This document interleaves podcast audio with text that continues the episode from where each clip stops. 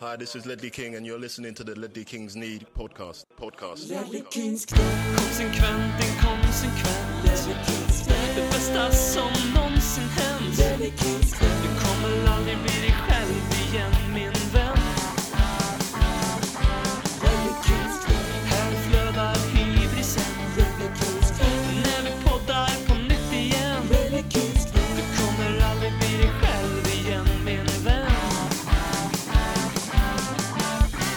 Varmt välkomna till eh, Sveriges mest flamboyanta fotbollspodd, radioteatern om eh, champagnefotboll, Ledley Kings knä. Den här podcasten kommer till stora delar handla om eh, året vi har lagt bakom oss, 2020. Vi kommer göra en tillbakablick på de mest definierande händelserna föregående året i Tottenham-lägret då såklart. Robin heter jag och med mig för att göra den här nödvändiga resan den här veckan så har jag olikt Pölsa faktiskt fullsatt i soffan. Vi är fyra stycken eh, för första gången på väldigt länge från Lellekins knälägret den här veckan. Först ut från eh, Sveriges 17 största stad, slaggprodukten som blir över från det imaginära katetersamlaget mellan Robbie Keane och Erik Lamela. Mannen som delar namn med bortopererade mandlar, BM. Hej och välkommen. Jag väljer att inte kommentera något när jag presenteras på detta sätt. Nej, Jag säger bara att min resa var nödvändig. just det. Har du några nödvändiga nyårslöften för 2021?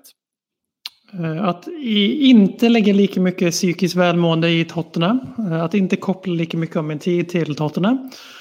Eh, Samt att varje gång någon försöker sta- starta ett drev om att det är fjantigt, löjligt eller att inte veta vad lidande är, att inte gilla José Mourinho som tränare för sitt lag, så ska jag alltid ta strid. Hur kommer det gå tror du? Mycket bra. Ja, den sista i alla fall. De två första, nej. Har du haft Tottenham-relaterade nyårslöften tidigare år? Alltid. Jag definierar mitt liv efter Tottenham och hela min identitet efter dem. Så att jag har inte så mycket annat. Nej. Jag förstår. Då kommer det bli tomt år för dig då, med andra ord. Eh, eh, vidare så kommer skeppet lastat här med utvandraren som blev hemåtvandrare, vändare, ska jag säga. Färsk från eh, fasanjakten här tror jag vi har. Spargrispoleringen har han också sysslat med ganska nyligen. Ingen mindre än alla. Så Robert Folin, välkommen tillbaka. Kul att ha dig med igen. Kul att vara med igen. Det har väl varit ett tag sedan sist. Eh, Jag minns fan inte riktigt när det var. Jag brukar nog säga det tror jag. Eh, Någon månad sedan kanske, eller två. Det är kul att vara med. Din catchphrase. Ja, Jag vet inte riktigt jag när det var sist. Vad fan har jag gjort egentligen? Hur känns det att vara tillbaka i, i Småland och Sverige? Jo, det är fint. Det är grått och fint. Eh, Ibland så ser man lite blått upp i himlen. Då blir man lite obekväm. Men eh, det brukar snabbt gå tillbaka till normaliteten. Eh, Mm. När det är lugnt och skönt. Det varit fint med lite jul. Ätit alldeles för mycket och druckit alldeles lagom. Åh fan. Ja, ja. typ. Jag har ett litet jättekort mini-Sverige-quiz till dig som varje svensk bör kunna. Vet du vad Sveriges mest sålda öl 2020 är? Det måste vara Prips. Nej, vi jobbar upp Pripsen. Den ligger på plats sju. Det är Norrlands guld. Nej, Norrland alltså. Är det möjligen så att Norrlands ljus, eller är de- de är inte ihopslagna utan det är bara gulden som ligger Ja, det är, det är gulden är det. mm. Ljusen är jag svag för. Den tycker jag är rysligt trevlig. På, på sommaren ja. Mm. Ja, den funkar Väldigt. nu också. Billig så som smålänning är man ju, kastar man sig över den. Sen har vi också i en ganska nyligen gjord eh, undersökning, vem vill svensken helst ha som granne? Där hänger jag ju sjukt dåligt med på vilka svenskar ens är som är kända nu för tiden. Eh, Naken-Janne. Jag önskar att det var rätt. Nej, men rätt svar är Vladimir Putin faktiskt. Va? Ja. Jaha. Ja. Ja, det är Ja, klart jag det är jag, jag och alla eh, trollbottar som har varit inne och röstat där kanske. Ja, det var något obskyrt forum jag var inne och hittade den på.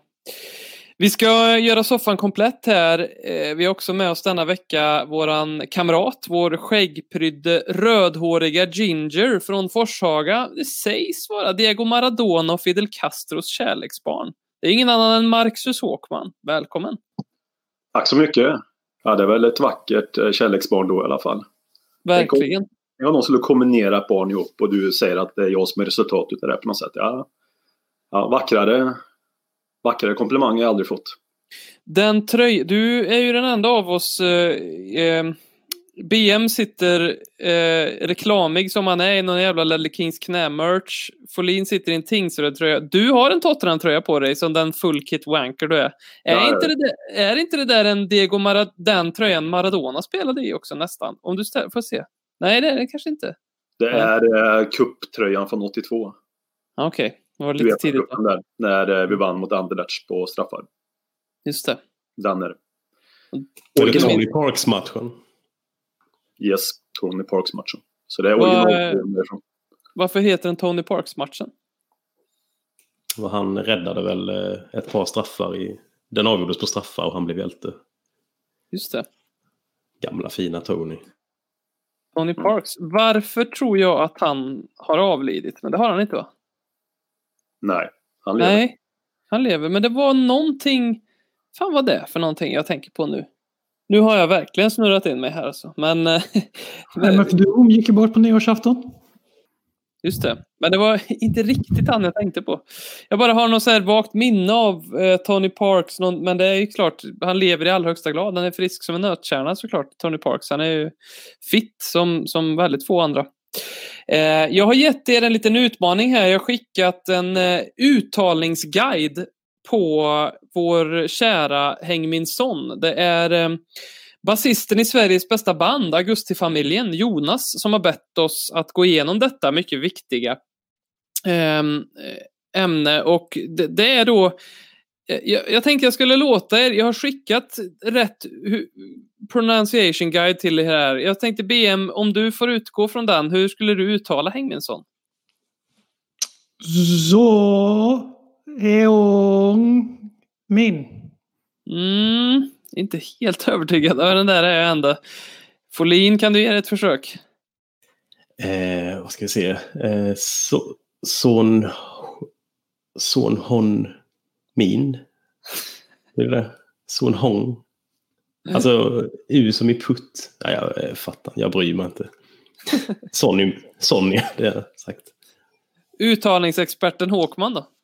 Ja, som gjorde referensen till Pölsa förut så tänkte jag väl ändå dra den kopplingen som Pölsa hade sagt det. Ja. Hur det låter ungefär som Häng min son.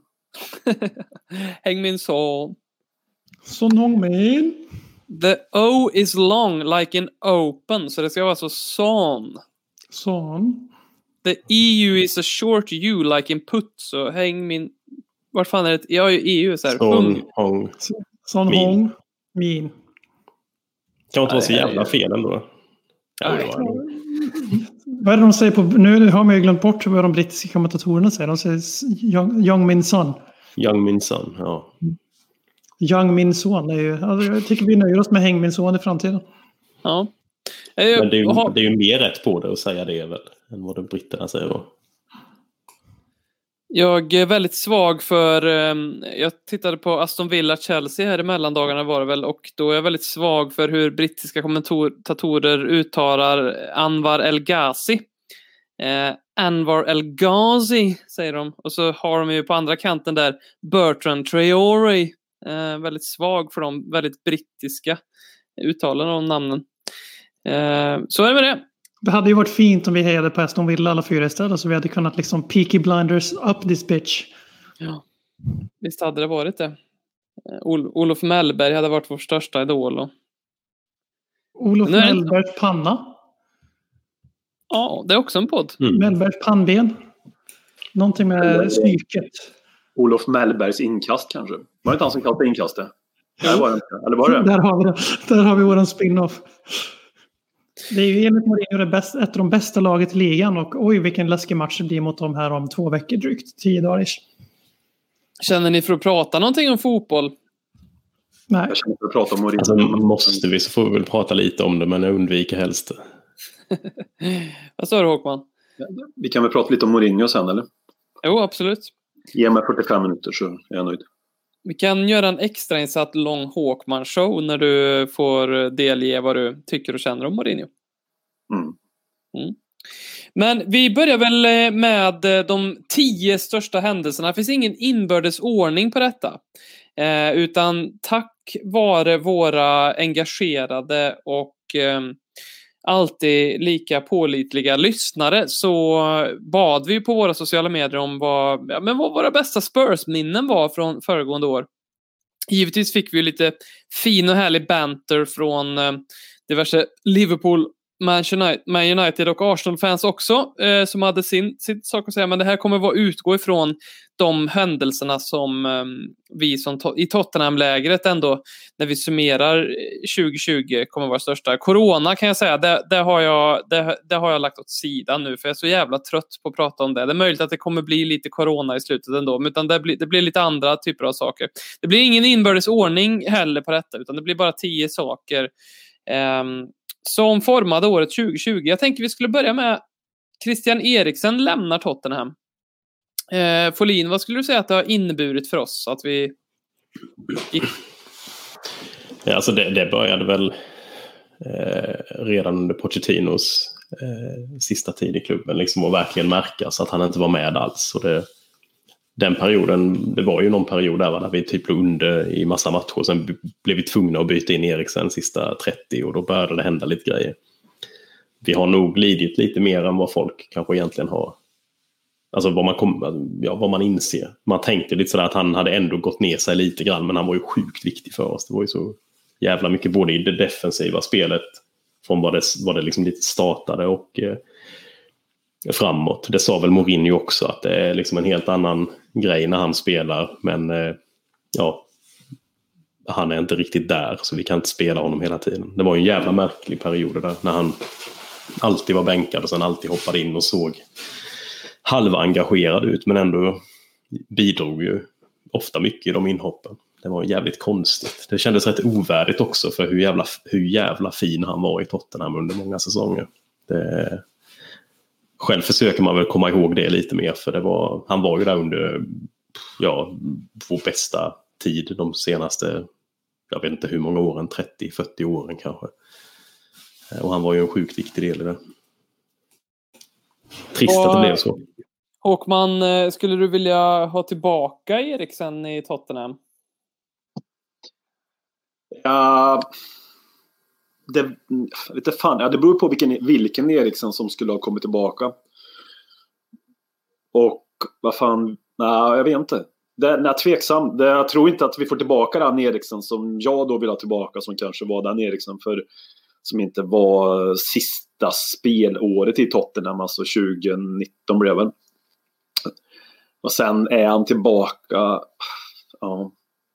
Nej, Nej, vad, vad, vad, har du för känslor kring honom då? Är det, har du något sånt där lite agg mot att han lämnar? Så, utan det är bara spelmässigt du bedömer det på om du vill ha tillbaka honom eller inte? Mm, nej, jag har inget speciellt agg mot Eriksson. Det, det jag känner varken bu eller bä mot den. Han eh, var jävligt viktig och bra för oss när han spelade i Tottenham. Men han gav liksom det är ju ingen spelare som har gett intryck på mig på det sättet att jag har börjat gilla honom lite extra. För han, är, han är jävligt lam som person. Och, men duktig på planen. Men ja, nej, inga agg för att han gick till Inter. Inget eh, sådär jätte, jätte högt uppsatt på min Tottenham-lista historiskt sett till vad jag gillar. Trots att han kanske har varit en av de bättre naturligtvis också. Men, men eh, nej. Han kan vara där han är eller gå till PSG kanske. Vad kan han vara? Topp 20 på Sportbladets eh, ranking över de största 75 profilerna i datahistoria? Ja. Ja, ja, jag vet inte. Det är också konstigt. Men, nej. Men det, det, känns ju lite också som att vi fick peak Eriksen under de åren han var hos oss. Alltså han pikade hos oss och började gå ner sig. Så att jag tror ju inte alls man kommer... Jag tyckte han var fantastisk hos oss men jag tror inte man får tillbaka något som är i närheten av det. Alltså både sista året hos oss och hans tid inte har ju varit rätt kass. Jag vet inte riktigt hur han har varit i landslaget heller, men det känns ju som att han har pikat. Vilket kanske är rimligt för han, hans karriär tog väl fart jävligt tidigt. Han var väl i Ajax och spelade liksom regelbundet som, ja nu gissar jag lite, men han var, kan inte ha varit mycket mer än 18-19 år när han började där. Eh, så han kanske är lite slut. Mm. BM om du fick, eller Håkman, du har räckt upp handen här. Jag vill bara säga att allting har ju sin brintid någonstans. Jag menar Eriksen har ju haft, som Folin sa, börjat jävligt tidigt. Kanske slog igenom när han var 17-18 år i Ajax, som många andra Ajax-spelare har gjort genom åren. Och varit jätte, jättefin nästan, i, nästan i, ett, eh, i tio år. Så gott som. Så jag menar, han har väl kanske gjort sin kvot av matcher någonstans. Det är väldigt få spelare som överlever fler år än vad Eriksson har gjort på den nivån Eriksson har varit. Och överlever det är några stycken få unikum liksom. Så det är inget alls konstigt. Jag tror ju som Folin, mycket på grund av att han har haft sin karriär så tid som han hade och han har haft sin tid. Han är fortfarande bra men han kommer ju aldrig vara en Eriksson som han en gång har varit. BM, hur skulle du summera Erikssons legacy i Spurs? Eh, Topp 20 på Sportbladets eh, profillista. Det räcker väl så. Nej, men han är ju spelmässigt förmodligen en av de bästa spelare vi har haft på ganska länge. Problemet för honom, och precis som det kommer vara för alla andra som spelar under det här Pochettino Spurs, som det kommer att fortsätta kännas som, eh, är att Harry Kane tillhörde samma lag. Och eh, Harry Kane har lite bonusgrejer med sig som ingen annan kan ta. Det är ju det här homegrown och sen det faktum att han kanske är en av Englands bästa fotbollsspelare genom tiderna. Så han drunknar ju lite, han försvinner lite i massan. Och eh, det är väl ganska passande för honom, för han var ju ändå en som trots att han gjorde väldigt mycket poäng alltid kändes som att var en av de som fick lite mindre spotlight än, än Kane, en Dele Alli, eh, en, till och med Moussa Dembele fick mer spotlight än eh, Eriksson under vissa säsonger, trots att det var också en sån här grovjobbare så att säga. Inga liknelser med riktiga grovjobbare på det sättet. Men, Eh, Eh, I ett modernt progressivt lag som har bollen hela tiden så är ju grovjobbarna faktiskt de som vårdar bollen snarare än de som springer blint och jagar dem. Eh, vilket är vad våra gubbar gör just nu. Mm. Om eh, du får fortsätta här, för då kommer vi till nästa sak på listan. Händelserna som definierade 2020 för Tottenham. De båda mötena där vi dänger Manchesterlagen och då tänker vi såklart det här, mer specifikt då på 6-1 borta på Old Trafford Eh, och eh, 2-0 2-0 hemma nu senast på Tottenham Hotspur Stadium. Vad, hur minns du, hur stort är det här egentligen att vi kan summera våra två möten med de här två lagen 2020 på det här sättet? Det säger så jävla mycket. För övrigt så mötte vi United 2020 1-1 i uppstarten efter corona också. Eh, Pogba fick en patenterad United-straff det, det, det, det på tal om eh, interaktioner och sådär, det, det, har ju gått varmt här på Twitter sen du tweetade lite vilseledande statistik där om hur många straffar United fick. Och det är ju så roligt, det här är en shoutout till Adam i Musspodden som vi har en arbetsrelation med. Och det är så roligt att se att han nappar ju varje gång. Så halar jag in för den här varje gång. Det var ju du som gjorde den här gången, men det funkar varje gång att ta upp straffar med United. Det kommer, då kommer de alltid ridande. Är så det, den matchen, var det vi som spred de felaktiga siffrorna? Nej, nej, nej. Vi, bara, vi bara retweetade någon annan som spred okay. felaktiga siffror. Och så gjorde jag tror vi skrev hmm. Nej, men vi hade ju de, den matchen också. Sen så slog vi väl eh, City 2-0 även förra säsongen. Men jag är osäker på om det hade hunnit bli 2020. Jag tror det var 2020. Jo, det var 2020. Mm. Ja, så då har vi ju 2-2-0 på City, en 6-1 på United. Uh, så vi är ärliga, alltså det är ju 6-1 som är värd att komma ihåg just för att Eh, det är ju 6-1 på Old Trafford, det, det, är fan inte många lag som gör det. Och eh, det har fan aldrig hänt i min levnadstid att Tottenham har gjort det förrän då. Eh, så den matchen kommer man ihåg. Man kommer framförallt ihåg den som att United fick straff efter 34 sekunder och vi hade gjort en stor grej av innan när man skulle betta på när United fick sin straff. Eh, de får sin eh, obligatoriska straff. De gör mål på sin obligatoriska straff. Och sen så vinner vi ändå med 6-1. Alltså det, det, är, det är det största Mourinho kommer att åstadkomma med Tottenham. Det får vi ju säga att vi får hålla liv i den traditionen när vi möter United här om ett par veckor igen. Att eh, den som kan gissa, vi, vi får väl kalla det här, eh, den här tävlingen någonting eh, och göra lite fin grafik till och tweeta ut om det. Men att man får tippa i vilken matchminut United får straff eh, mot oss. Så sist tror jag man fick valfri grej i shoppen. Jag vet inte vad, vad du säger Folin, du som vaktar våra finanser, om det är okej okay att vi kör på det här, men eh, eh det, det, känns som jag får, ryckningar, jag får ryckningar i ansiktet varje gång jag får de där meddelandena att ni har lagt ut tävlingarna innan ni har kollat. Att, så jag har fått räkna i spargrisen om vi har råd med det eller inte. Ja. Men skämt åsido, vi, har- vi börjar ju faktiskt bygga upp en liten, eh, nu blir det ett sidospår, men vi börjar bygga upp en liten sparbössa från eh, shoppen. Eh, som vi ju har. Och den har vi ju tänkt, och det har vi tecken att jag ska avbryta här. Men eh, gör jag inte. Nu tar jag det som gisslan. Eh, vi har ju Vi sagt ska att åka vi- till Kanarieöarna med det. vi har ju sagt att vi ska göra någonting bra av det, Folin. Vad har vi tänkt? Jag vet inte exakt vad eh, än. Jag tänkte faktiskt att jag skulle logga in och kika på hur mycket som ligger där inne. Eh, Men, men alltså ge det till någonting, eh, något eh, värdigt någon gång när det känns som att det är läge. Mm. Eh, Vi let- vi Musikhjälpen hade vi ju, det, där drev vi ju in en del ändå tänkte jag. Så, men vi ska kika och se vad det kan gå till. Vi ska ju inte sitta, alltså, det enda vi har gjort med det är väl att ha lottat ut tröjor till lyssnarna egentligen. Det är det det har använts till. Jag gillar den, den, det upplägget vi har, att vi får in pengar till shoppen. Sen använder vi shoppens pengar för att köpa grejer i shoppen till eh, våra lyssnare. Det är bra. Eh, pe- penningtvätt. Ehm, hur minns du Manchester-matcherna, Håkman? Nej, men eh, att vi dänger City två gånger med 2-0 på exakt samma sätt är ju precis det han är så jävla bra på Mourinho i de typerna av matcher. Alltså, Oskar slog inte ner en gång utan han slog ner två gånger på exakt samma sätt mot City och han lyckas göra att, ja, snarlikt liksom. Och ändå lyckas han båda gångerna. Ehm, så sett till de två matcherna så är det, finns det absolut ingenting att klaga på. Det, det känns ju skönt att kunna ha sådana matcher i, i backspegeln på något sätt. Ehm, och sen eh, United 6-1. Som BM sa där att vad fan vinna på Old Trafford. Nackdelen då återigen som hela året, inte riktigt hela året men en stor del av året, vinner med 6-1. Ja, det är underbart liksom att vinna på Old Trafford med 6-1 men ändå känns det inte riktigt som man har vunnit på Old Trafford med 6-1 när det inte var någon publik. Alltså för min del känns det lite så, känns lite... Ja.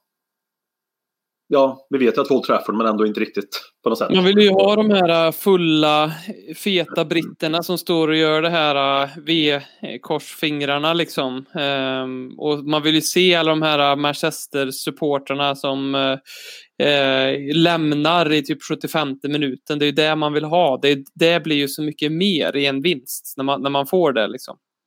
Fulla britter som står och sjunger cheerio, na na na na na na. Typ, liksom. Och det är ju de fulla britterna när de lämnar som liksom står och skriker åt fel håll för de vet inte vad planen är när de ska gå ut. Det är de man vill ha. Det är det som saknas mest. Jag håller med Håkman. Det, det blir inte riktigt samma grej.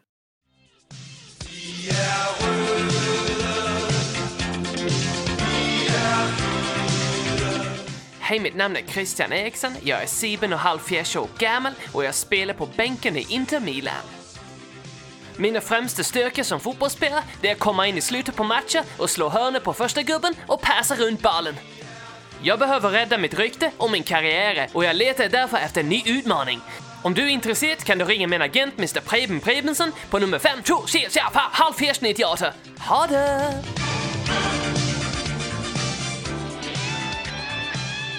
Vi, eh, jag tänker, hålla kvar dig här Håkman. Jag vill ha din reaktion på nästa eh, definierande sak för året. Det här är en av mina personliga favoriter. Eh, och det är ju när Tanguy Ndombele och José Mourinho tränar i eh, en park, Hackney Hills tror jag det var. Ehm, och alltså, det som jag tycker är så komiskt med detta det är att José Mourinho har på sig sin träningsoverall, sin skriklila träningsoverall när han är i parken och tränar. Och det är liksom, det är så, det är så otroligt korkat. Det är, det är lite grann som liksom, jag vet inte, alltså han, han, kan väl sätta på sig någonting mer diskret, det är det ena jag tänker. Sen det andra jag tänker att det är så roligt liksom att han aldrig går ur rollen. Jag tänker som att om, att om han hade varit pilot, att han alltid som piloter nog väldigt gärna gör också. Alltså väldigt gärna ha kvar pilothatten och eh, den där lite knulliga kostymen som är så, sitter så bra liksom när man gärna när man går in på en bar efter jobbet. Så, äh, jag byter inte om, jag sitter kvar här i baren i min härliga pilotoutfit. Det är lite den känslan jag får av Mourinho. Vad tänker du om detta? Det Kanske den känslan han får också som piloten. Att han känner att han har den där knulliga auran med den där träningsoverallen på sig. Oavsett vart han är. Så det är kanske det Mourinho känner på något sätt. Jag vet inte. Jag vet ju att det där har blivit en liten snackis med humor som inslag liksom. Men jag, jag såg det, jag tänkte hopp, gick jag vidare ungefär. Jag är ledsen att dö ut den här diskussionen från min sida sett där. Han tränar i en park, det känns, ja det var väl roligt. Ja, jag är ledsen. Jag brinner inte så mycket för den här händelsen som du gör och 98 av 100 Tottenham-supportrar gör riktigt. Förlåt. Men det är också ett svar, eller? Det är ett ärligt svar i alla fall. Ja, det är ett ärligt svar. Brinner, är det någon av er som brinner för den här? Folin, brinner du för den här händelsen?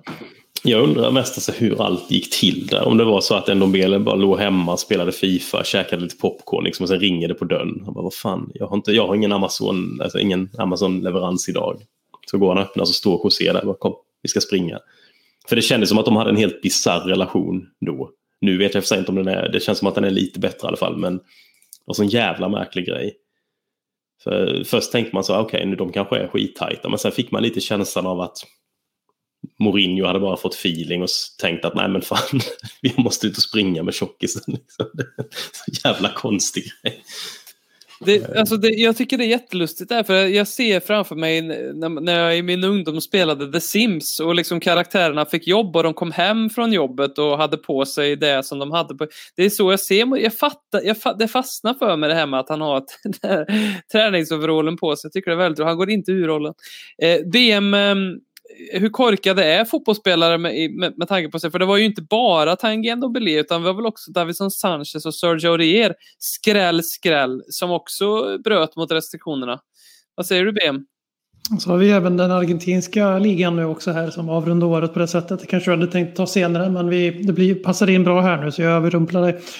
Eh, vi, Tottenham, Tottenham plus covid-restriktioner är lika med intressant. Eh, de har inte skött det bra. Det är väl bara Kyle Walker som har skött det värre än våran trupp eh, i Premier League. Eh, vilket är ju tra lite tragiskt som han är, än våran kille. Eller bättre vill jag bara hoppa in och se kanske han har skött det. Alltså, han har i alla fall fått ut någonting av sina restriktionsbrott, inte bara en marginellt annorlunda frill. Eh, och några kilokalorier i en park. Nej men det har ju varit lite pinsamt faktiskt att se hur Tottenham har hanterat det här. Och det är uppenbar, uppenbarligen så har ju läkaren med den här obefintliga pondusen som vi pratade om i förra avsnittet inte lyckats få fram till gubbarna att det här är ett dödligt virus som sprider sig jävligt lätt och ni kommer förmodligen klara er helt okej okay, även om inte Saint Maxima och eh, nu glömmer jag namnet på den, Lachels i Newcastle som fortfarande lider av sviterna av sin corona som de fick för månader sedan. Eh, så det är ju inte sant för alla idrottsatleter heller men det har varit lite pinsamt. Eh, det har varit roligt, eh, framförallt när Mourinho är i parken. Eh, för det liksom avslöjar lite grann vad Mourinho tyckte om att jaha, vi ställde in för corona. Perfekt, nu jävlar, nu kan jag, det här kan jag utnyttja till min fördel för att rädda säsongen och få lite, få lite pli på den här jävla fransmannen som vägrar spela low block och bara kan inte vara inte kreativ med bollen. Men jag vet inte, jag tycker att det är tycker inte det är så konstigt att fotbollsspelare hamnar i sådana här situationer. De förväntas ju utföra sitt jobb när resten av samhället låser ner i England gång på gång. Eh, och de ska liksom bli tillsagda att de får inte springa med varandra utomhus. Eh, två och två. Men det är helt okej okay att träffas varje dag på träningsanläggning och åka bussar till matcher och stå i tunnlar och allting annat. Eh, det, är helt okej, okay, men att springa i parken som två homies, det får man absolut inte göra. Så att, ja, jag är inte så förvånad helt enkelt. Och Free Lamella, han är, o, han är oskyldig. Ja, det är ju lite känsligt det här nu, Lamela. Alltså att Lamela, jag är ju inte jätteförvånad att just Lamela kanske gör den typen av... Han känns ju kanske inte som... Alltså Ben Davis hade ju aldrig gått emot restriktionerna till exempel. Då. Men, men, har ni, är det någon av er som har följt eh, det här med Bernard Mendy i City? Eh, har du följt det, Ben? Större på Twitter än på, i fotboll. Jag har noll koll här, men han har varit på sexfest med Ederson och Kai Walker. Ja, faktiskt ja. Eh, och alltså, eh, inte just med Kyle Walker, eh, vi vet inte, men sexfest, ja, det var mm, han eh, Eh, den enda källan jag har till det här eh, är en tweet. Och man ska väl kanske i just det här avsnittet av Lellekins knä ta min källgranskning eh, och känd hänvisning med en, med en pinch of salt. Men eh, han hade tydligen då eh, bett no, festfixaren, för han vill ju då såklart ordna en fest om. Can you send som eh, latinas with fat asses, hade han skrivit också. Eh, och det är ju eh, tragiskt, men man, man skrattar ju också lite. Men det, det, det som är komiskt och tragiskt med det är att man blir ju inte förvånad. Det är ju det som jag reagerar, jag tänker på själv, att det bisarra i situationen är att ja, det är klart att han ber om det mitt i en brinnande pandemi. Eh, ja, sorgligt. Vi var inne på Tanguy Ndombele. Eh, Håkman, vad, vad tycker du om eh, Tanguy Ndombeles 2020? Han har blivit eh, bättre och bättre med tiden.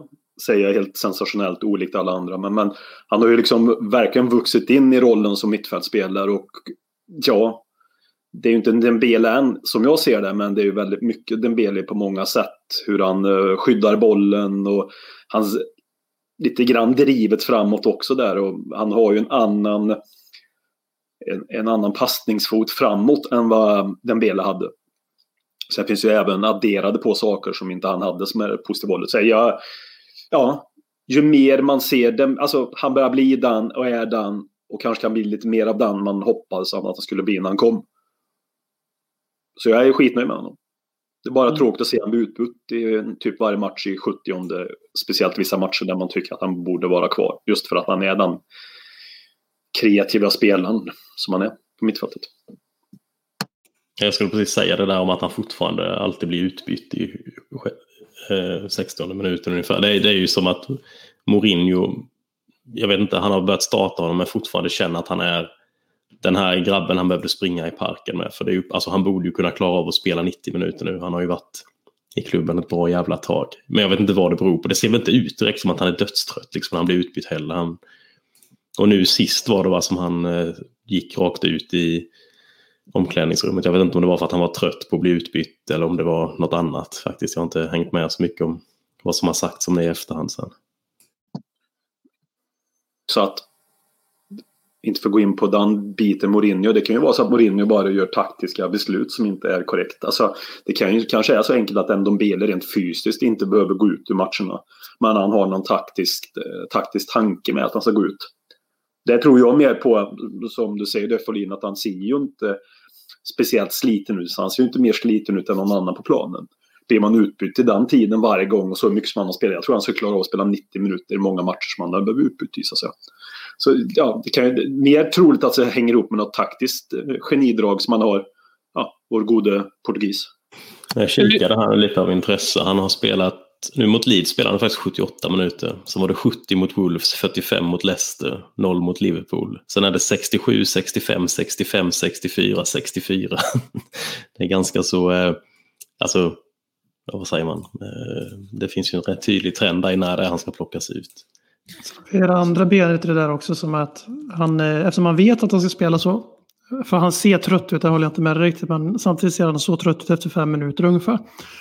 Men eftersom han vet att han blir utbytt efter 60-70 så kanske han bränner lite mer krut än vad han behöver göra. Han gör ju ganska många räder offensivt eftersom han envisas med att spela 10, vilket jag tror är negativt för laget eh, om vi skulle vilja föra upp boll. Men skitsamma. Eh, och sen är det ju också den andra, som sagt, och det är att Johan och Lucelso har blivit eh, degraderad till någon jävla glorifierad avlösare sista 30 minuterna när han ska komma in och avlösa en Dombele i en halvtimme. Eh, vilket ju är hårresande med tanke på hur viktig han var för Tottenham 2020 fram till säsongen 2020-21. Eh, vilket jag tycker begränsar honom oerhört mycket och gör att vi får se en väldigt svag version av Lochelso. Och vi får inte alls se honom ta nästa steg som man kanske hade hoppats på. Eh, framförallt när han spelade skadad utan möjlighet till vård där under corona-uppstarten. Eh, och bar laget väldigt mycket trots att han inte gjorde massa poäng. Han spelar ju i sittande mittfältare, de är inte alltid poängkungar. Men... Och jag tycker vi begränsar två av, våra bäst, två av våra fyra bästa spelare i truppen om man inte räknar med målvakten blir begränsade i hur de används och det, det är frustrerande. Hur bra tror du han kan bli då, VM? Ndombele? Eh, hur bra han kan bli? Han är, det här är ju en av få killar i vår klass som har, i vår grupp som har eh, världs, världsklasspotential i sig. Det är ju Harry Kane som är världsklass. Så det är sån som kan vara världsklass. Eh, är för ojämn för att vara det. Eh, en Dombele är väl i samma fack som Son. Han är för ojämn och spelar för lite för att kunna räknas som världsklass. Men han har det definitivt i sig. Och vi ska vara jävligt glada för att han kommer från franska ligan. För att annars hade det varit en Dombele snarare än Delali som jag skulle varit rädd för att förlora till PSG här nu. Det var en liten freudiansk felsägning där tror jag du drog till med också. Du är bäst i vår klass och sen så sa du vårt lag. Du är lärare, lärare till vardags också. Så att, eh... Grupp sa jag faktiskt efter jag sa inte lag. Grupp ja, grupp. grupp. Så är det. Håkman, hur gör du för att hålla dig i form? Jag tänker ju alltså dels till Tengun Belé här men, men också för alla som har som nyårslöfte att eh, träna sig till en fräschare kropp, beach 2021 och så vidare. Hur gör du? 40 så skiter man i sånt. Det kommer ni märka. Då kör man bara livets goda drycker och eh, tar en löprunda då och då. Ja, man har liksom lagt ner den där uh, den idealet av kropp så att säga. Men du är ju i form. Det kan man ju inte säga något annat än. Det var vackert sagt utav dig. Ja men det är det ju, eller? Ja, med kläderna på så ser jag ut att vara i form i alla fall. Va, vad springer du milen på? Uh, nu blir det helt plötsligt uh, skrytpodd då. Ska jag vara ärlig eller ska jag fortsätta vara ironisk? Nej, men jag springer väl 42 kanske nu. 42? Ja, 40-42. Otroligt, otroligt snabbt. Ja, det, det finns, jag tror jag är bäst i Tottenham-poddvärlden tror jag. Ja, det tror jag fan inte. I Sverige-poddvärlden i alla fall. Tottenham-Sverige-poddvärlden. Finns det något sånt ord? Vi borde, arrangera, vi borde arrangera tävlingen tycker jag. Eh, mm. Det här vill man ju se faktiskt. Så om det är någon som känner sig lämpad att möta mig så varsågod. Det är nästan så vi kommer kräva att du kanske tar en screenshot när du varit ute här så att vi får se verkligen bevis på att du springer milen på 42. Men vi, ja, eh, otroligt starkt.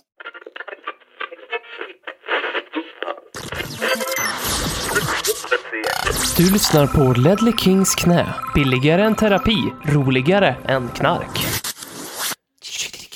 Eh, Gareth Bales återkomst är med på vår lista över eh, mest minnesvärda saker eh, med året 2020. Folin, vad var det för känslor du hade egentligen när han skrev på? De där dygnerna där vi väntade på den officiella eh, tweeten.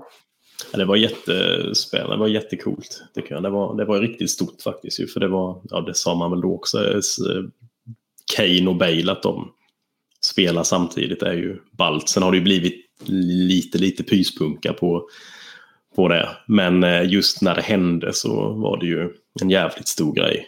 Eh, man hade väl kanske lite dålig koll på i vilket fysiskt skick han var egentligen. Det har väl inte liksom flugit helt. Men jag tror också lite att han kanske måste användas lite annorlunda bara i, i hur han spelar. I början kändes det som att man, han i princip fick ibland den rollen han hade haft när han var här sist för sju år sedan liksom, och förväntades bara kuta på kanten och bränna in skott eh, 30 meter ut. Liksom. Det, det funkar ju inte.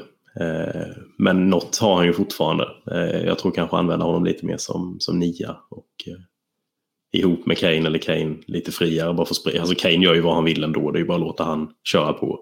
Gör det han känner för. Han är ju helt fantastisk just nu. Så. Nej, balt med Bale fortfarande. Men jag har fortfarande hopp om att det kan eh, bli så stort som man trodde det skulle vara. Vad, vad tror ni då? BM, det kom lite rykten, men vad ska jag säga? Ehm, Tier någonting, inte ett, men två till tre, fyra om citat om att han väldigt gärna skulle vilja avsluta på topp i Real Madrid ändå. Jag tror det var i och för sig väldigt Real Madrid-vurmiga March... Marca, Mar, Marsa, vad de heter, som skrev detta. Men tror du att, tror att vi får se en på nytt född Bale igen i, i Tottenham? Mm, nej. Eh, nej. Eh, start och stopp. Oklart om han är tänkt att vara det där tredje hjulet. Eh, som vi kanske kommer in på senare. Till Son och Kane. Eh, förmodligen. Eh, men eh, hans benägenhet att bli skadad hela tiden och eh, hans eh, oförmåga i början som gjorde så att han hamnade i den ökända B11 eller Europa League-11 har ju gjort att han har fått spela väldigt lite med starkaste lag och eh, det är en av sakerna till om man ska koppla in till våran. Det här att spelare byts inte in, inte ens när vi leder med 3-0 mot Leeds så får vi inte se Dela Ali eller vem det nu kan vara som kan kanske höja kvaliteten på A-laget. De får inte chansen i de matcherna utan de får spela fem minuter eller inte alls. Jag tycker Bale hamnade i det facket också, att han spelade sig ur Premier League-laget på grund av sin ofitness och sin oskärpa. Och eh, sen har han inte presterat tillräckligt bra så får han bara spela med B-laget och så då får vi aldrig se för vårt B-lag spelar ju i Europa League ihop och eh, inget mer.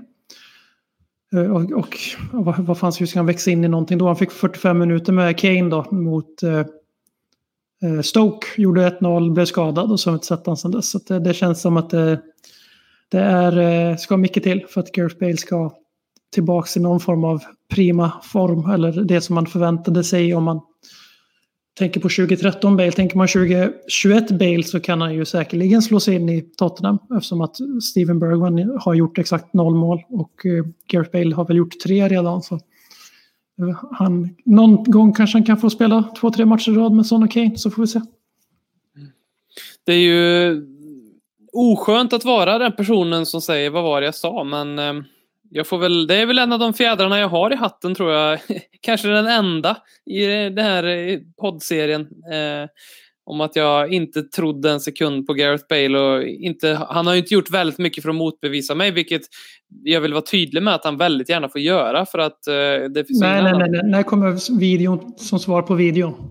Det är det enda ja, lyssnarna vill veta nu. Det, den står på min nyårslöfte för 2021. Eh, gör den. Det är att springa milen under en timme. Står på min eh, nyårslöfte 2021. Eh, vi har eh, Erik Dyers Bajsgate eh, som nästa definierande händelse. Eh, det, jag vet inte, vad, vad finns att säga om den? Ordet är fritt. va, va, eh, Carabao Cup, Chelsea. Dyer springer ut, Mourinho springer efter. Det är 2020 i ett jävla nötskal. Alltså det går inte att se. Alltså, de här roliga ögonblicken under under året. Därför det här är ju ett roligt ögonblick. Eh, det och 6 på Old Trafford och allt de här grejerna. Det, liksom, det bara blir den här känslan av det tragikomiska som är 2020. Att det bara känns som att vi håller på med någon form av så här pajasexperiment som det är meningen att vi ska tycka det är kul, men jag tycker inte att det är kul. Och man blir attackerad från håll och kanter, till och med från icke-spursare som lägger, gör en grej av det här. Eh, och, man, och liksom, jag bara säga, på axlarna och säger bara, alltså, ni, ni, kommer aldrig få mig att tycka att det är roligt med Mourinho som tränare. Och det här är ett sånt exempel, liksom, att det här är en grej som, haha roligt, men jag tycker bara det är tragiskt. Och sen såklart som fan jag garvade åt det i efterhand eftersom vi vann matchen. Jag hade inte garvat åt det om vi torskar, släpper in 2-1 precis när Erik Dyer rännskiter.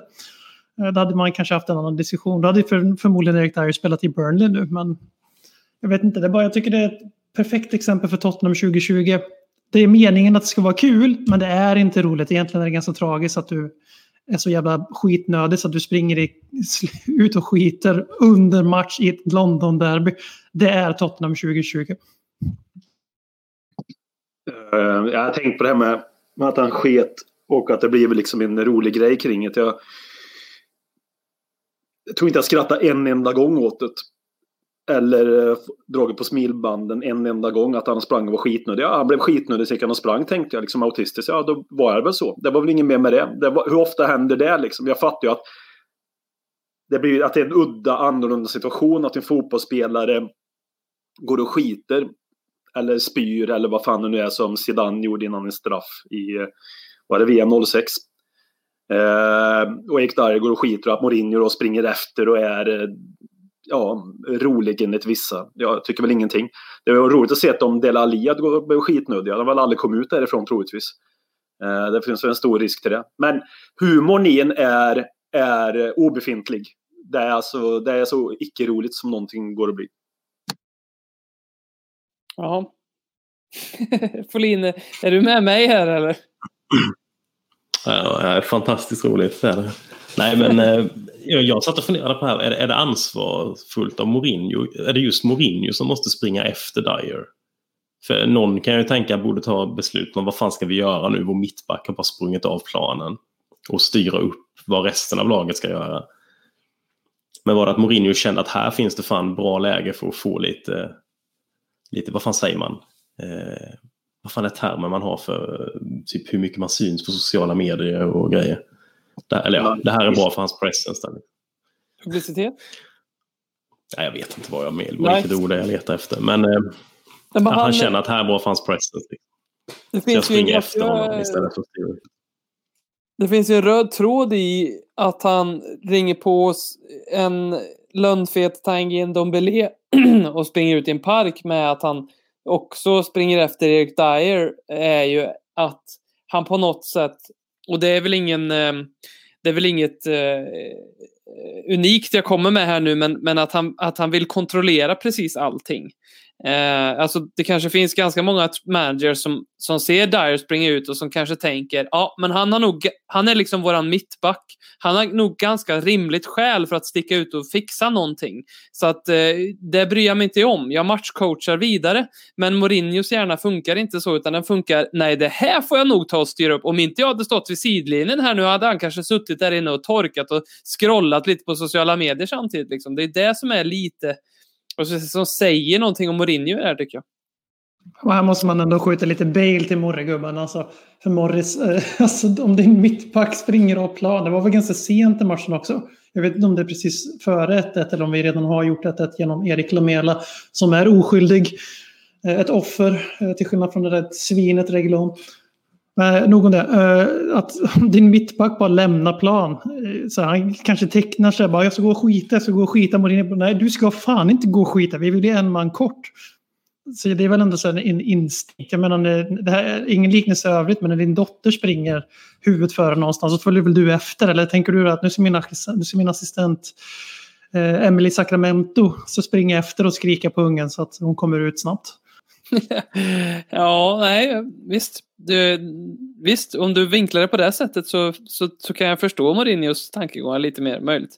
Det finns ju en till meme som vi har med på listan. Eh, jag är osäker på om det här var 2020, så ni får jättegärna eh, skjuta ner det här ifall det var så. Men eh, José Mourinho och eh, Joao, Sacra heter Joao Sacramento, ja det gör han va? Eh, sitter i, eh, på Tottenham Hotspur Stadium och eh, Joao Sacramento eh, gör Mourinho uppmärksam på att en spelare borde fått ett gult kort. Eh, och när eh, ja, Mourinho, eh, när det, när poletten trillar ner för honom så springer de i, i slow motion fram till fjärdedomaren och eh, eh ja, väldigt komiskt. Det blev ju en GIF av det här. Ja, nu sitter ni och undrar hur, på vilket sätt är det här en definierande händelse för 2020? 2020 var inte världens roligaste år för någon. Vi gör så gott vi kan och det, var, alltså, det, det här är ju roligt och den är perfekt att använda på sociala medier för interaktioner. Så. Vi tackar Mourinho för ännu en meme. Det är kanske är det han liksom ser sig själv som. Eh, alltså meme creator, jag vet inte. Men det är bara på eh, Instagram. Ja. Håkman? Ja, han är väl lite grann som, eh, du vet, som Donald Trump har ju använt sin mobbarhumor som ett vapen att bli omvald i USA. Lite grann så är väl Morini också på samma sätt. I, på presskonferens, presskonferenser och allting. Han tycker om att synas och allt är ett show. Det är väl, känns väl lite grann som när han sprang där mot den här ah, fjärdedomaren från ingenstans. Att det, det, det var, ja, men som ni pratade om innan, eh, var det du Robin som pratade om det när han sprang efter Dyer som var skitnödig? Att det är lite samma sak där, att det, är liksom, det syns och han gör saker som syns och allting är medvetet. Och allt han gör blir någon form av snackis och lite med, det blir en rolig grej liksom. Ja.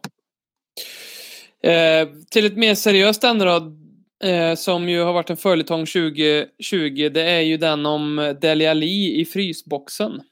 Eh, för det som började så bra och såg ut som att vara en fin relation helt enkelt mellan Dele Alli och José Mourinho. Det barkade ju iväg sen och just nu är det väl kanske så att det känns närmare som att han faktiskt försvinner från, från klubben Dele Alli då alltså. Det kommer José Mourinho också göra här framöver. Men eh, hur tror du framtiden ser ut Folin för, Lin för eh, Dele Alli?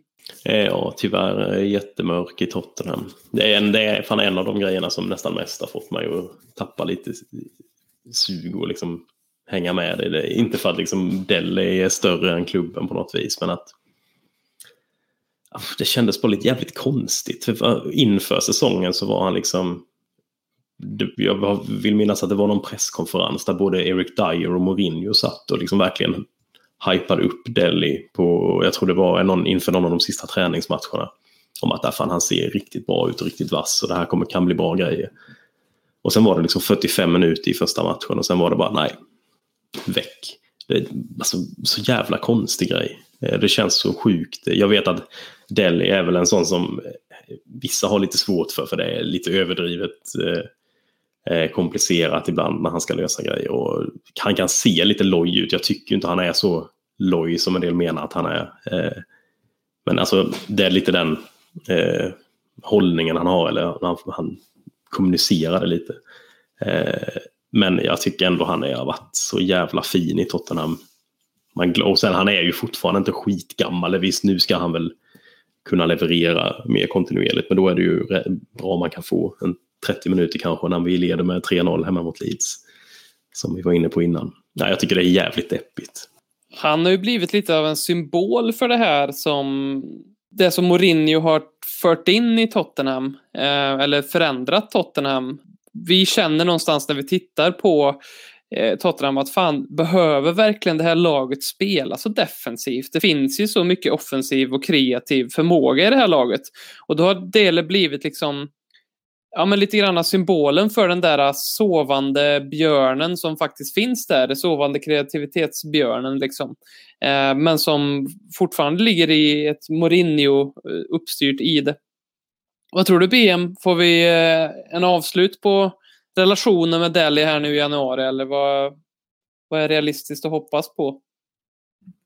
Eh, både och eh, svaret. Det, det, finns ju intresse eh, läcks ju väldigt mycket uppgifter nu. Det är väl någon form av tyst informationskrig som rasar. Det kommer ju ut från ingenstans här i dagarna att vi kommer absolut inte sälja Delhi för att det finns röster i klubben som inte vill bli av med honom.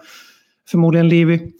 Eh, med tanke på att det skulle vara en jävla ekonomisk smäll. Han vill nog sälja Dele Alli när det inte är coronaekonomi. Eh, med tanke på eh, ja, vad ska man säga, hans tak och hans tidigare prestationer. Han är bara 24 och allt det där. Och så Mourinho som jag tror är ganska okej okay med att bli av med honom så länge han ersätts. För att han vill ändå ha, ha honom i truppen på något sätt. Men sen har vi framförallt det stora problemet med homegrown. Att eh, vi kan inte bara göra oss av med Delali och Harrowinks hur som helst. Vi har redan maxantal icke homegrown i truppen och nu med de nya Brexit-reglerna som gör det svårare än förut att värva framförallt yngre spelare från andra ligor som inte är eh, etablerade A-landslagsmän för att göra det väldigt förenklat. Gör det ganska svårt att ersätta de här gubbarna. Och eh, jag vet inte riktigt, jag, jag tror inte på PSG-grejen just för att jag tror inte att Mourinho skulle vilja, eller Levi vilja släppa honom till Pochettino. Eh, det skulle bli lite prestigegrej eftersom att PSG är en mer framgångsrik klubb än Tottenham Hotspur 2021. De är definitivt en större klubb, enligt mig. Men eh, det finns ju en risk. Jag vet inte riktigt, men jag är ju på, däremot har jag väl landat i det här att nu när det så tydligt läcker uppgifter om att det är, finns intresse för honom samtidigt som klubben går ut och till och med läcker att han ska starta mot Leeds från ingenstans. Och, han fick inte spela en sekund ens, utan fick värma upp hela matchen och inte spela. Det här är ju någon form av eh, halvtyst krig mellan Mourinho och Delali. Och ett sånt krig vinner tränaren, framförallt när vi har varit relativt sportsligt framgångsrika under Mourinho, går inte att komma ifrån. Och eh, för Delalis skull så vore det nog jävligt bra om den här relationen tar slut i januari. För våran trupps skull, nej, för vem fan ska gå in och ersätta en Dombele om han blir skadad? Det är liksom, han, nu när han spelar tia, eftersom att Mourinho vägrar spela Lo Celso eller en Dombele bredvid Höjbjerg, så då har vi ju för fan ingen. Vi har ingen som kan gå in där. Vi spelar Lukas som tia mot Leeds sista halvtimmen. Delali ska inte säljas om vi tänker på sportsliga resultat. Punkt. Mm. Vi eh, har kommit fram till eh, sista punkten här i vår eh, årskrönika. Den går till dig Håkman först ut här. Veckorna som vi trodde, eller som vi trodde inom citattecken här, men att vi skulle vinna Premier League. Eller veckon, veckorna, det var väl tre veckor vi var på toppen av Premier League när jag vet inte hur mycket vi i den här podden trodde att vi skulle vinna Premier League, men det var ju i alla fall ett seriöst drev Eh, till många stora delar ironiskt från vår eh, sida. Det, det, går alltid att falla tillbaka på att vi var ironiska, det är det som är bekvämt med. Eh, men eh, eh, på att vi faktiskt var en titelutmanare. Var vi en titelutmanare, Håkman? Är vi en titelutmanare den här säsongen? Med att vi kan falla tillbaka på att vi var ironiska. Vi har varit ironiska i sju år. Så på det sättet så är vi nog ganska trygga med att vi är trovärdiga i vår ironi på något sätt. Mm. Mm. Eh, kan vi vinna ligan? Nej. Eh, var vi titelutmanare en sväng? Nej. Trodde vi det? Nej.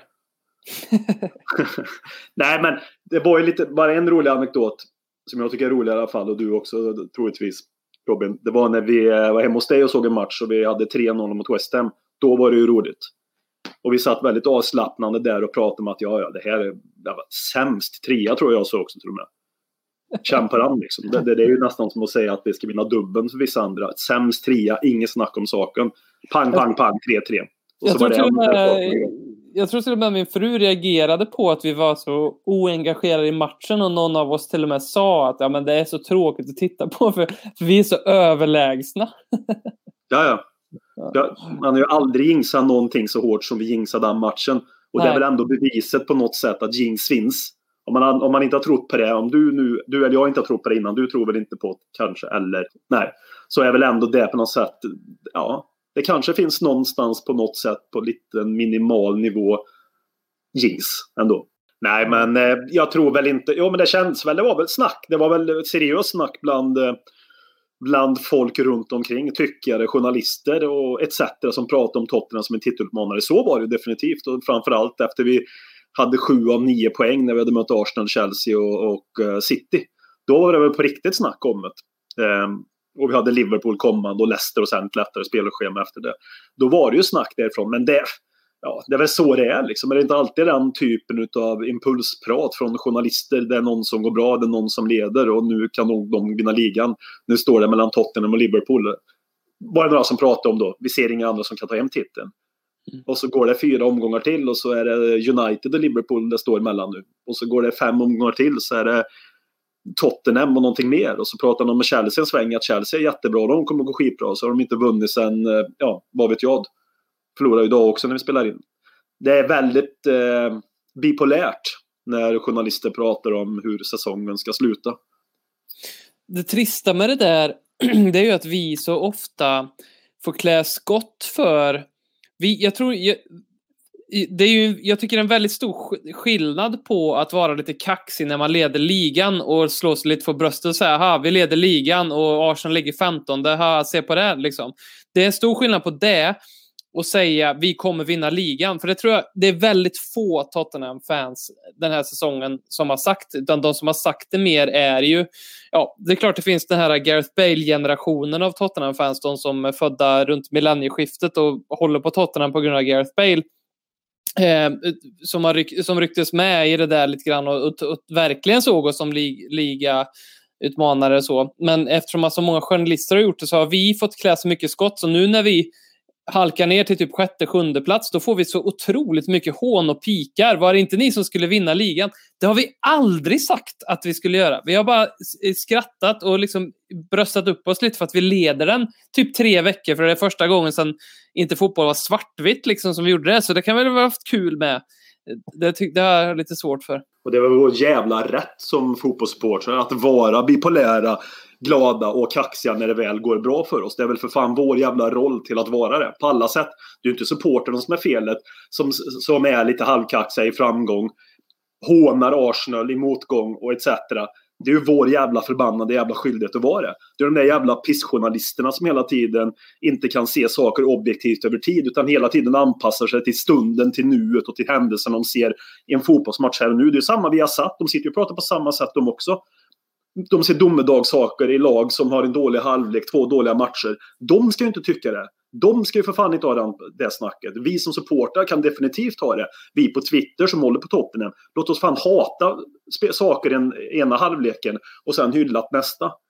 Låt oss tycka vad fan vi vill. Det är där det är våra supporters. Så vi får göra Men det är journalisterna som bär det stora skottet. Inte mot oss, utan mot alla typer av definitioner och sammanfattningar 2000 gånger under en säsong. Vi har satt studion engelska journalister, svenska journalister, så gott som alla är ju så liksom. Det är mycket sådana typ Snapchat-takes. De kommer med sin analys och sen så tror de att när de har sagt den så försvinner den och sen kan folk aldrig se den eller tänka på den igen. Jag håller med, det är sjukt. Det är så jävla låg för det är ju nästan supporternivå på många. Något har hänt. Nu säger vi att den personen är slut, den personen är körd, den personen har gjort sin comeback och är en mästare igen. Liksom är, man bara agerar ju på det som händer just nu. Det är ju liksom ingen analysförmåga överhuvudtaget. Jag håller med dig, det är sjukt tråkigt. Därför jag reagerar lite annorlunda med Åslund. För Martin Åslund har ju blivit en av... Han har blivit lite attackerad. Med, nu använder jag ordet attackerad. Jag vill inte få det att låta som de här hjärndöda kommentarerna Bergman fick av sina så kallade supportrar till klubben. Eh, I den nivån, så vitt jag vet. Men han har ju fått mycket skit kan jag säga istället av Tottenham-supportrar för att han har varit väldigt negativ även under den här perioden när vi tog sju av nio, låg etta. Eh, var ganska imponerande om man ser till resultat eh, och allt det där. Och man säger, det, en sak som han ska ha cred för nu är att han har inte ändrat linje. Och han sitter inte och, visst han kanske hämtar in poäng lite nu när verkligheten har kommit till Spurs. Eh, och även om man inte gör det så tolkas det så. För det, det är ju en sån tyck, eh, ekonomi vi lever i nu där man måste ändra åsikt hela tiden. Och eftersom det spelas tre matcher i veckan, eller två matcher i veckan i alla fall, så blir det ju inflation och allt det här. Det är därför man, man försökt förklara i podden några gånger att när vi sitter i eh, och spelar in en gång i veckan och eh, under hela hösten två gånger i veckan om man räknar med våra lives. Och vi ska tycka saker hela tiden för det är inte så jävla intressant att lyssna på Ledder Kings knä annars. Eh, det är klart att vi också förstärker och förstorar de här känslorna som uppstår. Men då blir det så här att Åslund i det här fallet, han har ju suttit och sagt på sikt att det här kommer inte hålla på sikt. Och det är ju därför vi, för vi har, får ju ganska mycket gnäll och pikar nu för att vi är så negativa om Mourinho i den här podden. Eh, och det är ju för att vi ser ju, sitter och tittar på det här laget tre gånger i veckan och vi ser att det här håller inte i 40 matcher på en säsong. Det här, du kan inte spela så här från omgång 7 till 38 och så vinna ligan.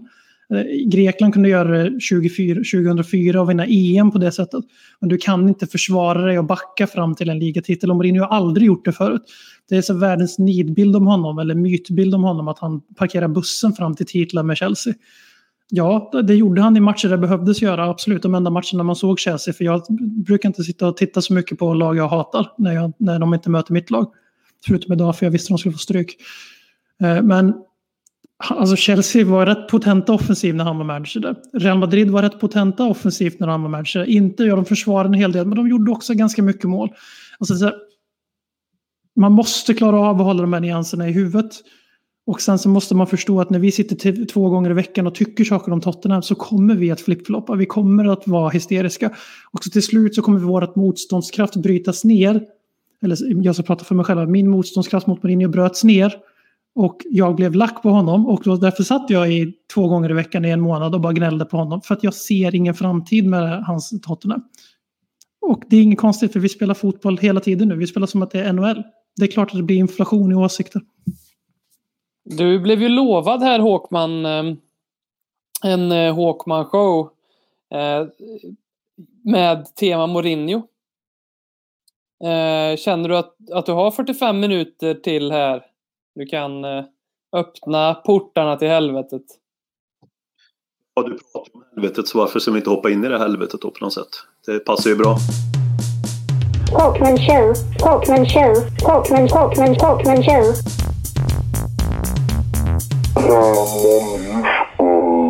Ja, ja men absolut. Ja, men alltså, grejen med Mourinho och nackdelen med Mourinho det är ju liksom, eh, om man ska säga, Hanses och det BM sa precis här och nu. Och det som har definierat honom, hans tid i Tottenham, så också du tycker definierar hans tid i United.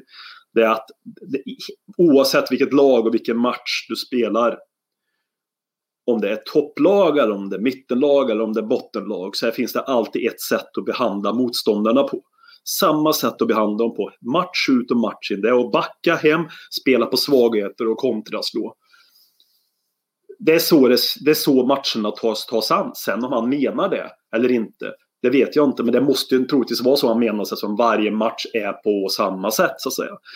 Eh, blir det som mot Wolverhampton till exempel, lite avstickare bara säga, blir det som mot Wolverhampton att vi har 1-0 under ganska lång tid och så tappar vi in ett mål i slutet. Då, då blir hans definition till att spelarna hade lång tid på att göra 2-0. Ja, visst hade de lång tid på sig att göra 2-0 men det var ingenting i spelet som tydde på att det skulle bli 2-0 då tar han inte det personliga ansvaret till att förstå varför det ser ut som det gör på fotbollsplanen. Han har ju liksom han har ju tryckt ner spelarna till att inte knappt våga uttrycka sig offensivt. Till att de inte till att de är så måna om att de ska ligga rätt i alla typer av positioner defensivt. Att det offensiva då tar ju stryk. Det säger sig själv. Lägger man jättemycket fokus som gör på defensiva tar offensiva stryk. Och då, då, slänger han ut en sån kommentar som jag då upplevde som var lite grann som att ta ansvar ifrån sig själv och det är också någonting jag väldigt ofta gör. Han tar väldigt sällan ansvar själv över hur saker och ting blir på fotbollsplanen. Och när mitt, mitt, alltså min stora grej också det här när jag pratar om att han spelar en destruktiv fotboll, han spelar en tråkig fotboll, en antifotboll som jag ser det, en nedflyttningsfotboll till och med. Som är okej okay för lag som Burnley och EBA i dagens Premier League då att göra. Helt okej okay, för då har du ett sämre lag än alla andra och då ska du kunna spela på dina då ska du kunna spela på ett sånt sätt och utnyttja deras spela på sånt sätt att ditt lag är sämre och så ska du anpassa ditt spel efter dem och vinna på det sättet. Jag köper det om du har ett sämre lag. Och pratar vi om Tottenham historiskt sett, vi har ju ett sätt att spela fotboll på. Det är liksom to there is to do står det till och med på arenorna. Eller på arenan. Vi har ett sätt att spela på som bygger på att vi ska spela en, någon typ av offensiv fotboll. Det bygger på att vi på något sätt ska föra fotbollsmatcher eller ha en idé om att vi sätter agendan hur vi ska spela. Motståndarna sätter inte agendan på hur vi ska spela. Och den historien med Tottenham är ju någonting där som också har fått oss med tid kanske att vuxit i vårt Tottenham-supporterskap. Liksom. Det är vårt sätt att spela på, liksom det är för Chelsea sätt att spela på på det här kanske lite mer defensiva sättet. Så jag tycker det spelar väldigt, spelar väldigt stark roll i vad jag tycker om Mourinho också. Och där tror jag att det spelar väldigt stor, stark roll till varför många i Tottenham tycker om Mourinho är negativt för att vi har ett annat DNA i oss att spela fotboll på. Kan man säga att ja, men vi har inte vunnit några titlar på det sättet? Nej, det har vi väl inte gjort. Eh, I någon form av modern tid, när nu modern tid är, om det är från 90-talet och framåt eller 80-talet, då vann vi visst titlar i alla fall. Eh, att vi inte vinner titlar. Men grejen är den, det är ju ingen garanti att vi vinner titlar på det här sättet heller. Det enda sättet som vi kan få det här att vara okej, okay, det är att vinna titlar. Så stora problemet med honom det är att vi är Tottenham. Vi spelar en annan typ av fotboll. Vi har byggt upp en annan identitet hur vi ska spela fotboll. Vi får Mourinho som är total antitesen till den typen av fotboll vi vill spela. Vi har spelarmaterial som absolut skulle kunna floreras och utvecklas och spela en betydligt bättre fotboll som jag tror skulle ta mer poäng om vi ändå lyfter fram positionerna något i många matcher och sen spela lite mer tillbakadrag i vissa matcher. Så ja. Finns det något lag, nu får ni hjälpa mig här, Finns det något lag som har den här typen av fotboll i sitt DNA som skulle kunna, liksom, på samma sätt vi kan stå liksom och att, att till och med liksom supportrar kan tatuera in to there is to do på kroppen och när någon frågar vad det där står för då kan man liksom bre ut, bre ut och, och berätta om fotboll med champagnefotboll och så. Där. Finns det no, no, någon som skulle kunna liksom stå för det motsatta? Vilket lag skulle det kunna vara? Jag vet inte riktigt. Nu, nu gissar jag lite här med för jag, vi känner inte riktigt till deras historia så skitbra. Men så som de har spelat senaste åren så tänker jag att ett lag som typ Atletico Madrid tar ganska stor stolthet i att de är jobbiga som fan att möta. Och de liksom, men men det, det ligger ju i den klubben också lite i hur de ska vara. De, känns det som. Nu gissar jag lite men det är den känslan man får i alla fall att den imagen de skicka ut. Det känns som att hela klubben står bakom det. Medan som, det är en sak jag funderat på att för Mourinhos del tror jag detta året hade varit sjukt mycket svårare om det hade varit fans på arenan. För jag tror Tottenham-fans hade tröttnat på hur det har varit. Det som Håkman säger. Hur är det med Catenaccio-fotbollens Inter Milan? Är det, är, har för dålig koll.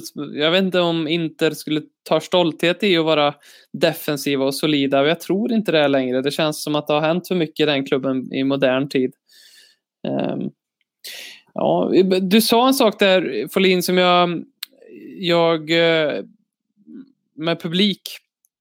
Um, en tanke som jag skulle vilja höra mer om. Um, fotbollen under corona har ju på många sätt kanske varit en liten um, har man köpt det, det är en övergångsperiod att det ser ut som det gör. Att det är ingen publik och att det till och med ett tag var pauser i, extra pauser efter 25 minuter i varje halvlek etc. Man köpte det lite grann.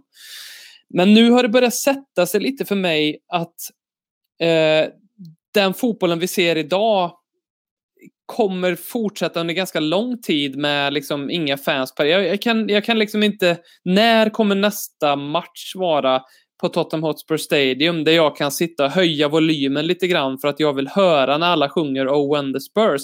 Alltså, jag vet inte hur avlägsen den är, om den ens kommer inom ett par år.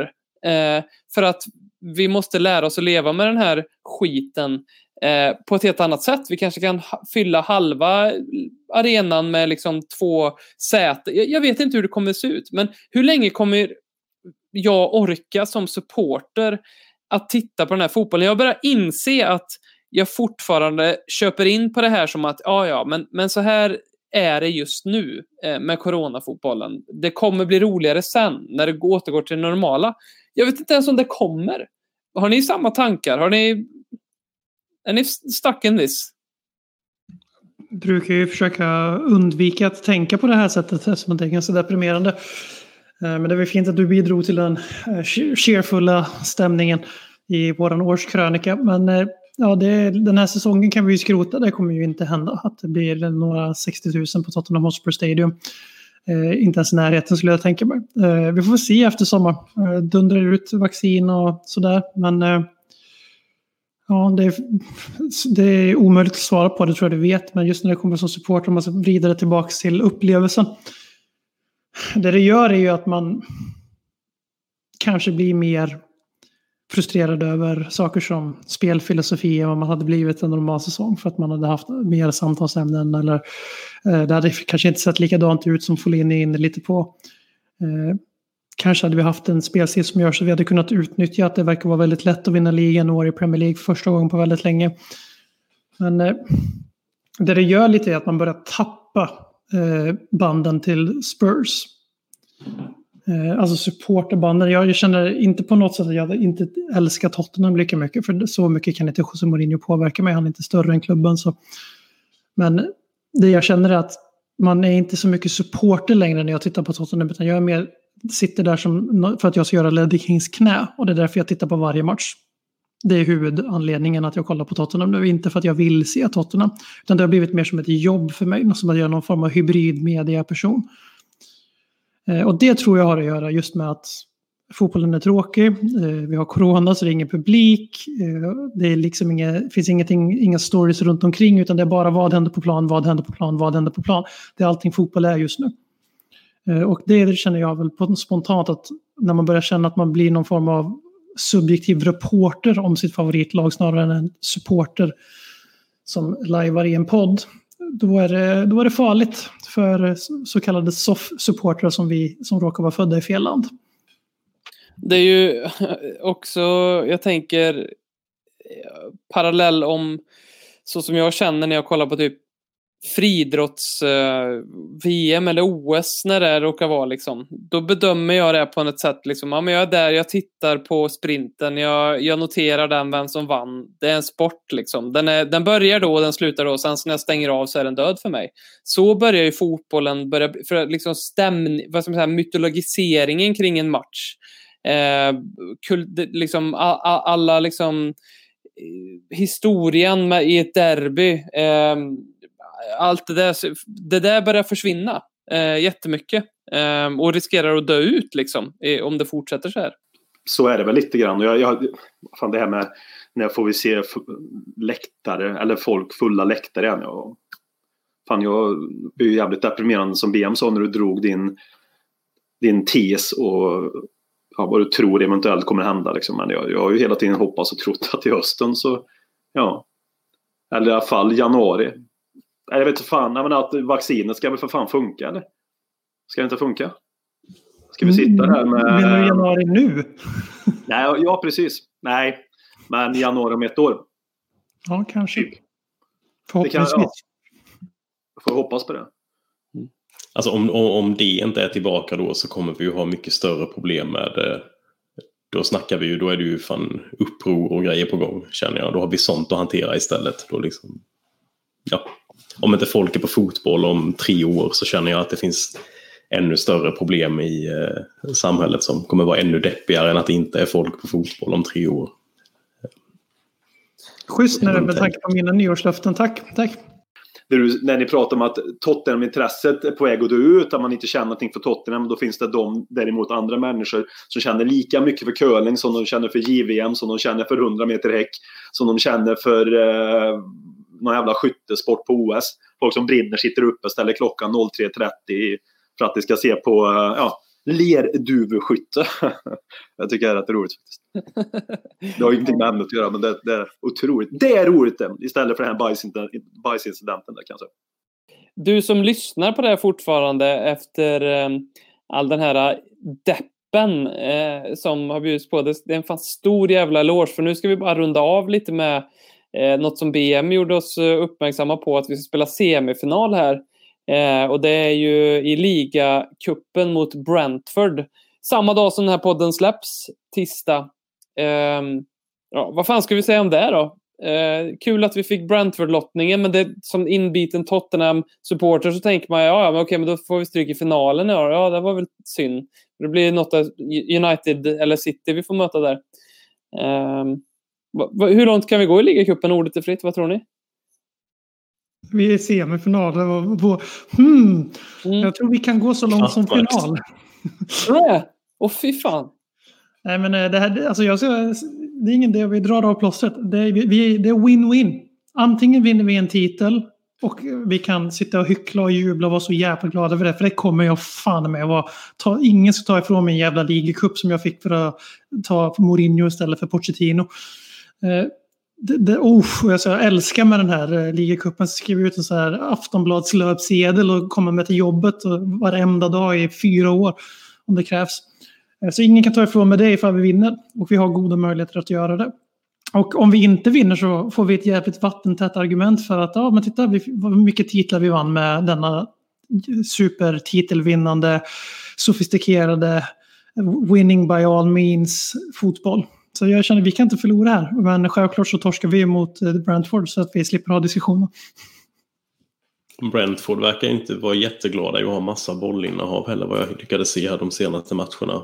Eh, så det kan bli intressant. Vi kanske blir tvingade till att ha eh, lite boll. Eller så, så skiter vi i det då också.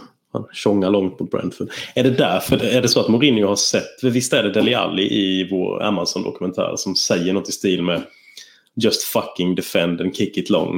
Eh, är det så att Mourinho har sett det i efterhand och bara han liksom var för hög på sig själv. Eller han hade aldrig väntat så länge kanske med att se den. Med tanke på att han själv är huvudpersonen. Um, ja, nej, jag vet inte. Han såg det och sen så muttrade han för sig själv. Fuck off. Eh, ska vi runda av eller har ni någonting mer ni vill ha sagt? Håkman, du räcker upp handen här. Ja, jag räcker upp handen som den goda, duktiga skolpojke jag är här. Jag tänkte, vi har ju pratat lite om bajs. Jag har en anekdot. En bajsanekdot. ja, jättegärna. Vill ni känna på den eller? Ja. ja. Eh, och eh, det kanske var så här han gjorde Erik Dyer för att maximera tiden på eh, sitt bajsande så att det var så lite som möjligt. Jag har en kollega som städade på Stadshotellet i Karlstad förut. Och eh, hon berättade att hon skulle städa sviten och det gjorde de vid några tillfällen. Men det var specifikt vid ett tillfälle när en superduperkänd ja, ska man säga, personlighet hade varit i Karlstad och gjort stand-up. John Cleese hade varit i Karlstad och gjort stand-up. Eh, så hon skulle städa sviten efter John Cleese. Hon kommer in på hotellrummet på Stadshotellet. Rummet högst upp där med jättemånga rum och 700 toaletter säkert. Och känner att det luktar så in i helvete mycket skit. Och eh, vet ju att John Cleese har varit där. Hon kände, till och med hon som är ganska ung kände till vem John Cleese var men inte har den, eh, den beundran som komiker som jag har till John Cleese direkt så. Utan då går hon runt och städar och går väl, förstår väl att det, vart kommer den här jävla bajslukten ifrån och går naturligtvis till toaletten det första hon gör. Och i då toalettstolen så ligger det en lång jävla bajskorv. Riktigt lång som hon beskrev den. Ingen av ditterna. Alltså, och så en enkel som du vet man gör ett tryck och så lägger han sig där. Och det är ju det i sig att det är en lång bajskorv, sett till att han är ganska lång som människa, är ju ändå logiskt någonstans. Men det är ju inget papper som ligger där heller. Det är inget papper alls, utan det är bara en bajskorv, inget papper och inte nerspolat. Och jag menar, jag försökte ha en teori med henne sen att den här bajskorven, jag försökte prata upp den här bajskorven, att den var lite mer speciellt än andra bajskorvar. Att, nej, hade jag varit där så hade jag tagit ett foto på den bajskorven för att det är John Cleese bajskorv, eller hur? Den har ju ett annat värde än andra bajskorvar. Hade du inte fiskat upp den som i en plastpåse eller någonting? Ja, jag vill så sälja den på Ebay. Någonting. Den ja. Ebay, Blocket eller vad det nu kan vara. Så jag antar väl att Eric Dyers bajskorv var troligtvis inte lika lång. Men den var väl eh, ospolad och kanske till och med otorkad i röven efteråt. Lite grann som John Cleese på Stadshotellet. Men då måste ju John, John Cleese... Eh, han kan inte ha torkat sig själv i röven alltså? Eller så spolan, jag vet inte. Nej, det är ju vackert. Kan det då förlåt fortfarande? Men kan det vara så att han har en sån hybris att han känner att jag lämnar den till, till den som kommer här och ska städa efteråt. Vad fan Ja. bjuder på den? Ja, ja det, det är John Cleese. Men, Eller så har eh, han det sån här- jävla play på sina, på sina tarmar. med Att han liksom vet när han kan gå och det inte behövs torkas. Det är också alltså rutinerad jävel vi pratar om. här. Det, Sen måste han ha fått ut den perfekta för att få ut en enda lång och ingenting annat. Det var bara en lång som låg där så. Det var inte fyra, fem harskitar utan en lång bajskorv, ingenting annat. Låg och flöt i vackret, vackert och fint. Inget papper som tog över utan det var John Cleese in action. Han kanske gjorde en avslutning på sin turnéshow i Karlstad med att ett sista prank någonting. Vad vet jag? Eh, det, det, alltså det, det här, jag skämtar inte nu. Eh, jag var tvungen att googla det för jag minns att för det var ju inte så länge sedan John Cleese var i Karlstad och det, bor man i Karlstad så är man ju såklart, har man ju såklart koll på när, när världsstjärnorna kommer så att säga och ska göra sina korvar. Eh, nej, men man, man vet ju liksom när de är i stan. Eh, för snacket går, det var ju samma som för någon månad sedan när Dogge Doggelito kom till Karlstad. Det var ju en otrolig happening för oss. Eh, det var ju liksom något som vi alla pratade om och fortfarande pratar om än idag. Nej, men skämt åsido, jag var tvungen att googla för att kolla när det här var, för jag, jag har det här färskt i minnet att han var i Karlstad. Jag har för mig att han hade en blå tira också, men det hör inte till historien. Det jag, när jag googlar John Cleese Karlstad, så det, den, det som kommer upp först är en artikel från Värmlands Folkblad med rubriken John Cleese, nöjd hotellgäst i Karlstad.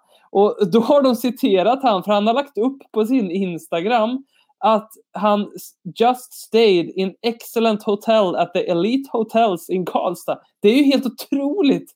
Det är ju som att han, att han, att han, att han har dragit typ bland de bästa skämten i hela världen. Att han liksom eh, vet att han har lagt den där korven där och sen så ska han se ifall det liksom i lilla Karlstad kan, kan ta spinn vad han har gjort. Han är, jag tror han är stora hjälten i det här.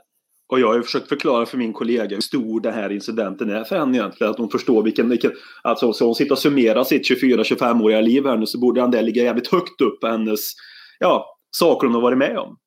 Bara att jag sitter bredvid och hört så ligger det topp tre för mig. Barnen etta, tvåa, eller etta, etta, delad etta och så John Cleese bajskorv ligger trea någonstans. Alltså, ja, den, den har ju sin tyngd någonstans. Jag fick upp här om, när jag twittrade på det och Karlstad att första träffen var allt om resor. Där han storsågar hotellet i Linköping. Och enligt då Expressens allt om resor så är han lite...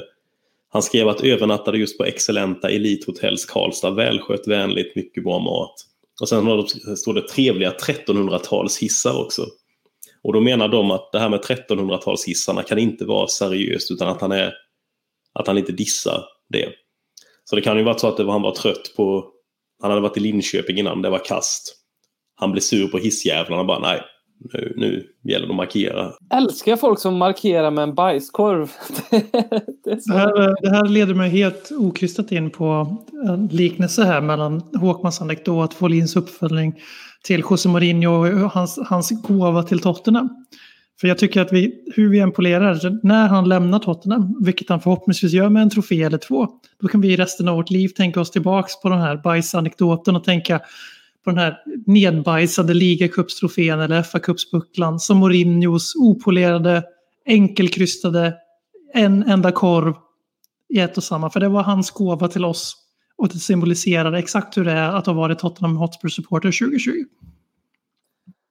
Vackert. Jag tror inte det går att avsluta en podcast på ett bättre vis faktiskt än så. Så att jag, jag, jag tycker att vi gör det.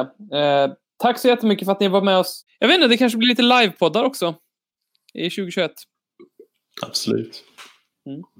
Tack ska ni ha. Gott Tack. nytt år! Tack själv.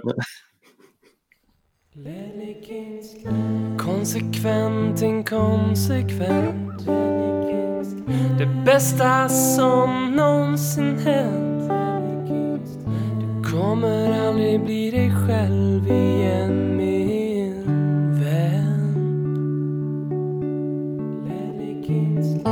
Här flödar hybrisen. När vi poddar på nytt igen. Du kommer aldrig bli dig själv igen